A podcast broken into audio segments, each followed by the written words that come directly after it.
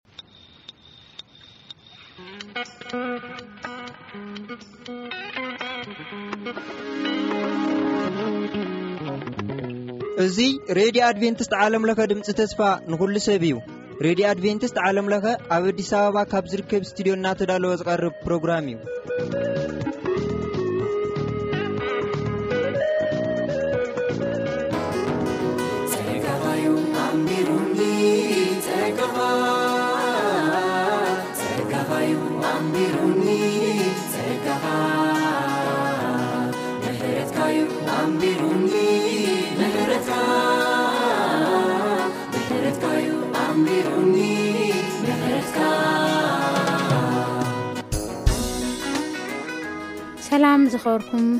ክብራት ሰማዕትና ሰላም ምንኣኹም ይኹን ብብዘለኹሞ ኮንኩም ሬድዮታትኩም ዝከፊትኩም ምሳና ስለ ዘለኹም እግዚኣብሔር ይባርኩም ሰላምኩም ይብዛሕ ንብለኩም ካብዚ ካብ ስትድዮና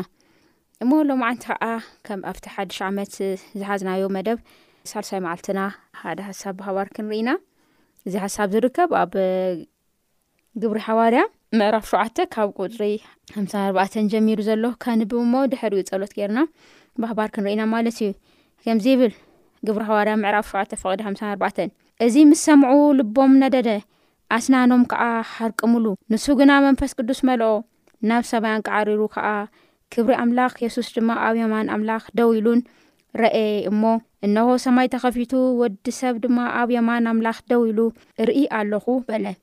ሽኡ ዓው ኢሎም ጨደሩ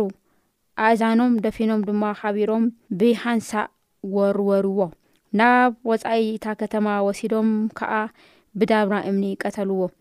እቶም ምስክር ድማ ክዳውንቶም ኣብ ጥቓ ኣእጋር ሳኦል ዚበሃል ጐበዝ ኣንበሩ። ንእስጢፋኖስ ከኣ እናተማህለለ፣ ጐይታ የሱስ፣ መንፈሰይ ተቐበል፣ እናበለ ብደርዋ እምኒ ቀተልዎ። ተምበርኪኹ ኸኣ ብዓብዪ ድምጺ፣ ጐይታይ፣ እዚ ሓጢኣት እዚ ኣይትሓዘሎም፣ ኢሉ ጨደረ። እዚ ምስ በለ እውን ዓረፈ ይብለና። ንጸሊ። ጐይታ፣ ሰማይ ሰማያት መንበሪኻ፣ ምድሪ ኸኣ መርገጺኻ ብልዕልናኻ ብዞፋንካ ከብርካ ዘለኻ እግዚኣብሔር ኣምላኽና ሎሚ ኣብቲ ንርእዮ ቃል ጎይታይ ማዕረይ ክንመሃሃርለሉ ርእስና ኸ ኣቦ ብናትካ ቃል ክዓርፍ በቲ ቃልካ ገርካ ከዓ ትፍውስ ከለካ ክንፍወስ ሰናይ ፍቃድካ ይኹን እግዚኣብሔር ዝሰሙን እዚ ሒዝናዮ ዘለና መንገድና ትርኢካ ዘለካ ጎይታ ንባዕልና ተፈዊስና ንባዕልና ፀሪና ንባዕልና ተመቻቺና ንካልኦት ከዓ ክንበፅሕ ሰናይ ፍቃድካ ይኹን ህዝብካ ኣብ ዘሎ ቦታ ዘክር ኣብ ጸገማቱ ኣብ ዘይከኣለሉ ነገር ክፉእ ዘበለ እግዚኣብሄር ዝረኸቦ ነገር ኩሉ እግዚኣብሄር በዓልካ ርኢኻ ብቅድስናኻ ብልዕልናኻ እሞ ከዓ ብቅኑዕ ዝኾነ ፍርድኻ ክትግለጽ ንልምነካ ኣለና ተመስገን ንኩሉ ነገር ይቅረ ስለዝበልካና ተመስገን ብወድኻ ብየሱስ ስለዝሃብካና ሂወት ተመስገን ብሽም ወድኻ ኢየሱስ ክርስቶስ ኣሜን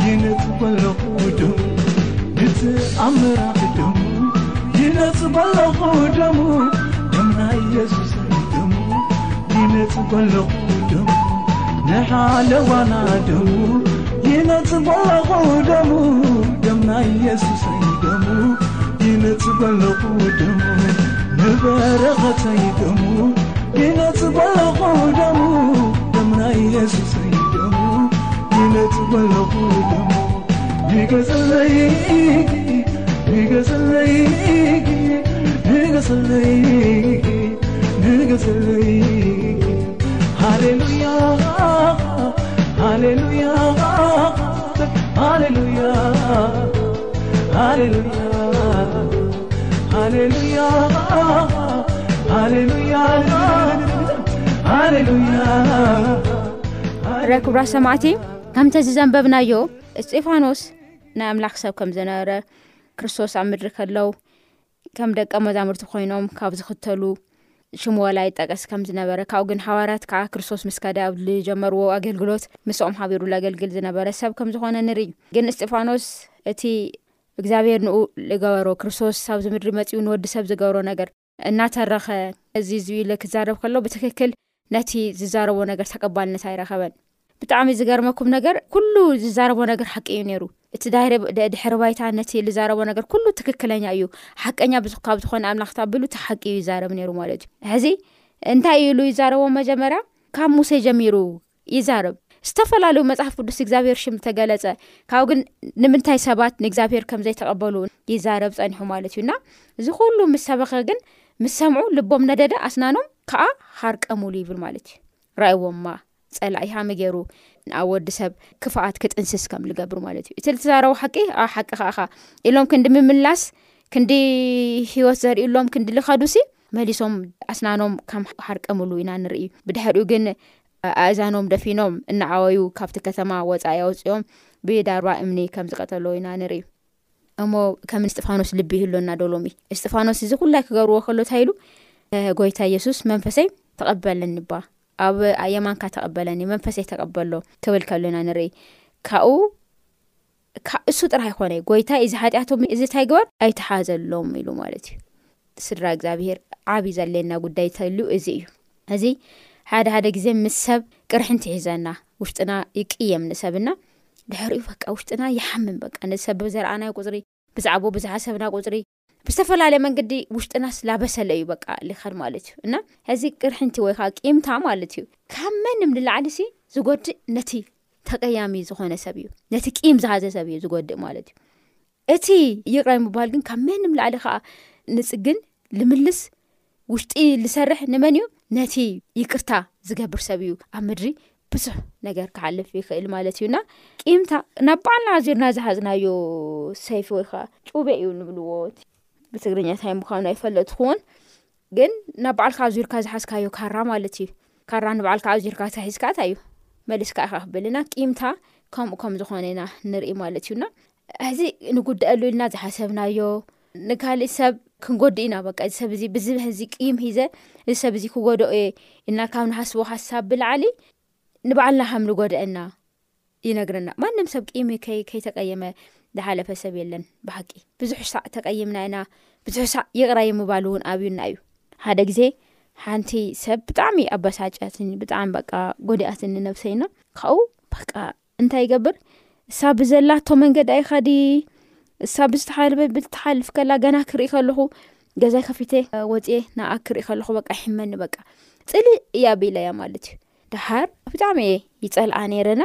ካብኡ ዝተልዓለ ጥዕናይ ናብ ጥዕናይ እውን ሽግር ናፈጠረ መፅኡ ማለት እዩ ቂ መሓዝ ከቢድ ዝኾነ ሕማም እዩ ነዚ ሕማም እዚ ከዓ ክብቆስ ዝልክእል መኣዝ እዩ ነቲ ተቀይምካዮ ዘሎ ሰብ ወይ ትዕረቆ ወይ ካዓ ተዘራሪብካ ፍታሕ ትገብረሉ ማለት እዩ እንተዘይ ኮይኑ ኣይኸውንን እዩ ስለዚ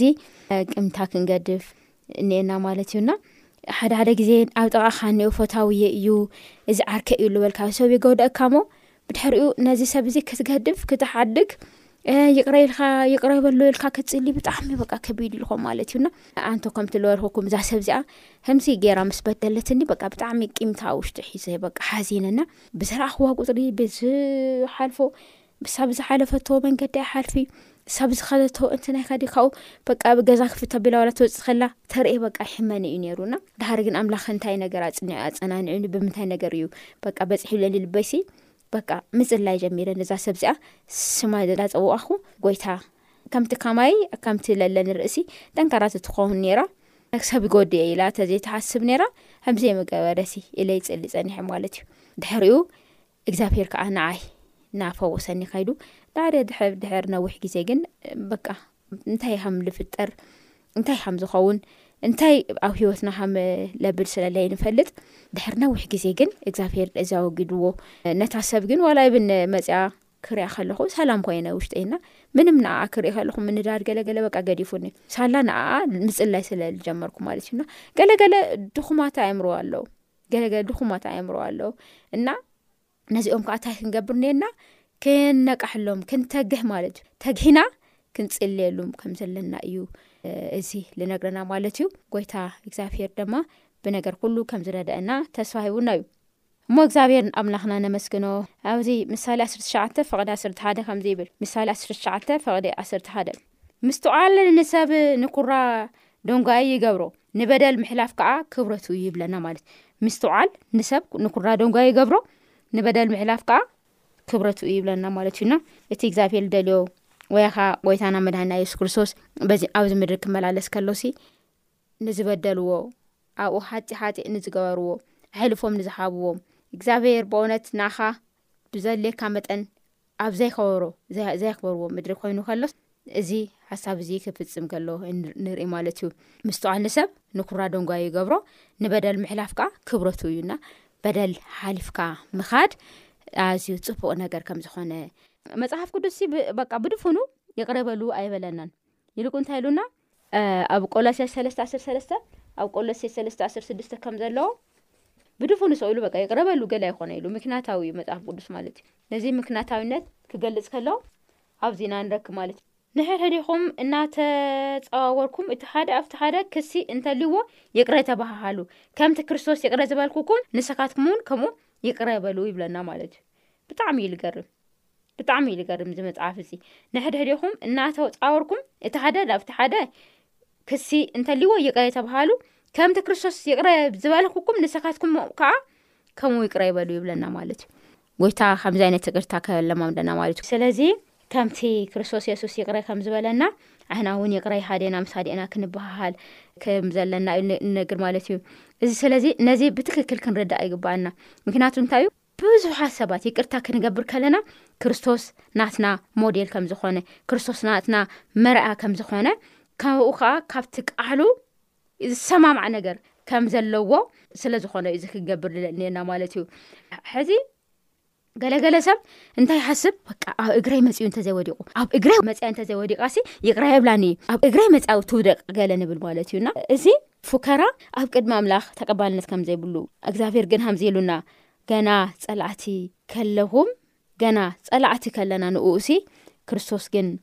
ምንታና ከም ዝሞተ ምንታና ከም ዝተበደለ ይህን እዚ ይነግረና ማለት እዩና ስለዚ ልኣና እውን እሱ እዩ ሂቡና እቲ ኣብ ክርስቶስ የሱ ዘሎ ሓሳብ ኣባኩም ከዓ ይኹን ይብል ቃል ኣምላኽ ማለት እዩና ስለዚ እዚ እናዘከርና ብትክክል ንኣምላኽና ክናምልኾ ከም ዝግባኣና ይነግረና ማለት እዩ ሕዚ እዚ እስጢፋኖስ ብእምኒ ክጭፍልቕ ከሎ ናይ ክርስቶስ የሱስ ሞዴል ወይ ከ ናይ ክርስቶስ የሱስ መርኣያ ኮይኑ ከም ዘገልገለ ንርኢ ማለት እዩ ብሓሰት ክውንጀል ከሎ ኣምፂኦም ክውርርሉ ከለው እሱ ግን እንታይ ኢልዎም ጎይታይ ሓጢኣቶም እንታይ ግበር ኣይትግበር ኣይቲ ኣይትውዘረሎም ሕደገሎም ኢሉ ክልምን ከሎ ንርኢ ማለት እዩና እግዚኣብሄር ኣምላኽና ላምህረናሎም ኣንቲ እዚ እዩ እቲ ኣብ ግብሪ ሃዋርያ ምዕራፍ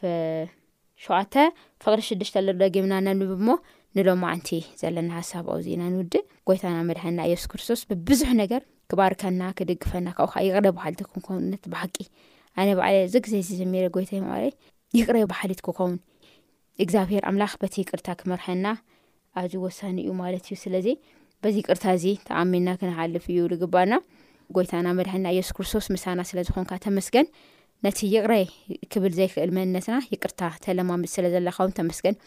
ብስም የሱስ ብማእከልና ክትመላለስ እልምነካ ኣለኹ ጎይታይ ማዕረይ ቃልካ ተገሊጹ ኣሎ በቲ ቃልካ ኣቢልካ ከዓ ንኩላትና ሓግዘና ክብርናካ መጎስናካ ምስጋናን ውዳሴን ኣምልኾን ኩሉ ንኣካ ይኹን ኣይተፈልየና ብሽመልሐና የሱስ ክርስቶስ ኣሜን እሺ ጎይታና ኣዚና ኢና ነመስግኖ ስለ ዝነበረና ጻንሒት እግዚኣብሔር ይመስገን ሰላምኩም ይብዛህ ካሊእ መደብ ከዓ ኣብ ጽባሕ ዘለና መደብ ሒዝናልኩም ክንቀርብ ኢና ጎይታ ምስ ኩላትና ይኹን ተባረኹ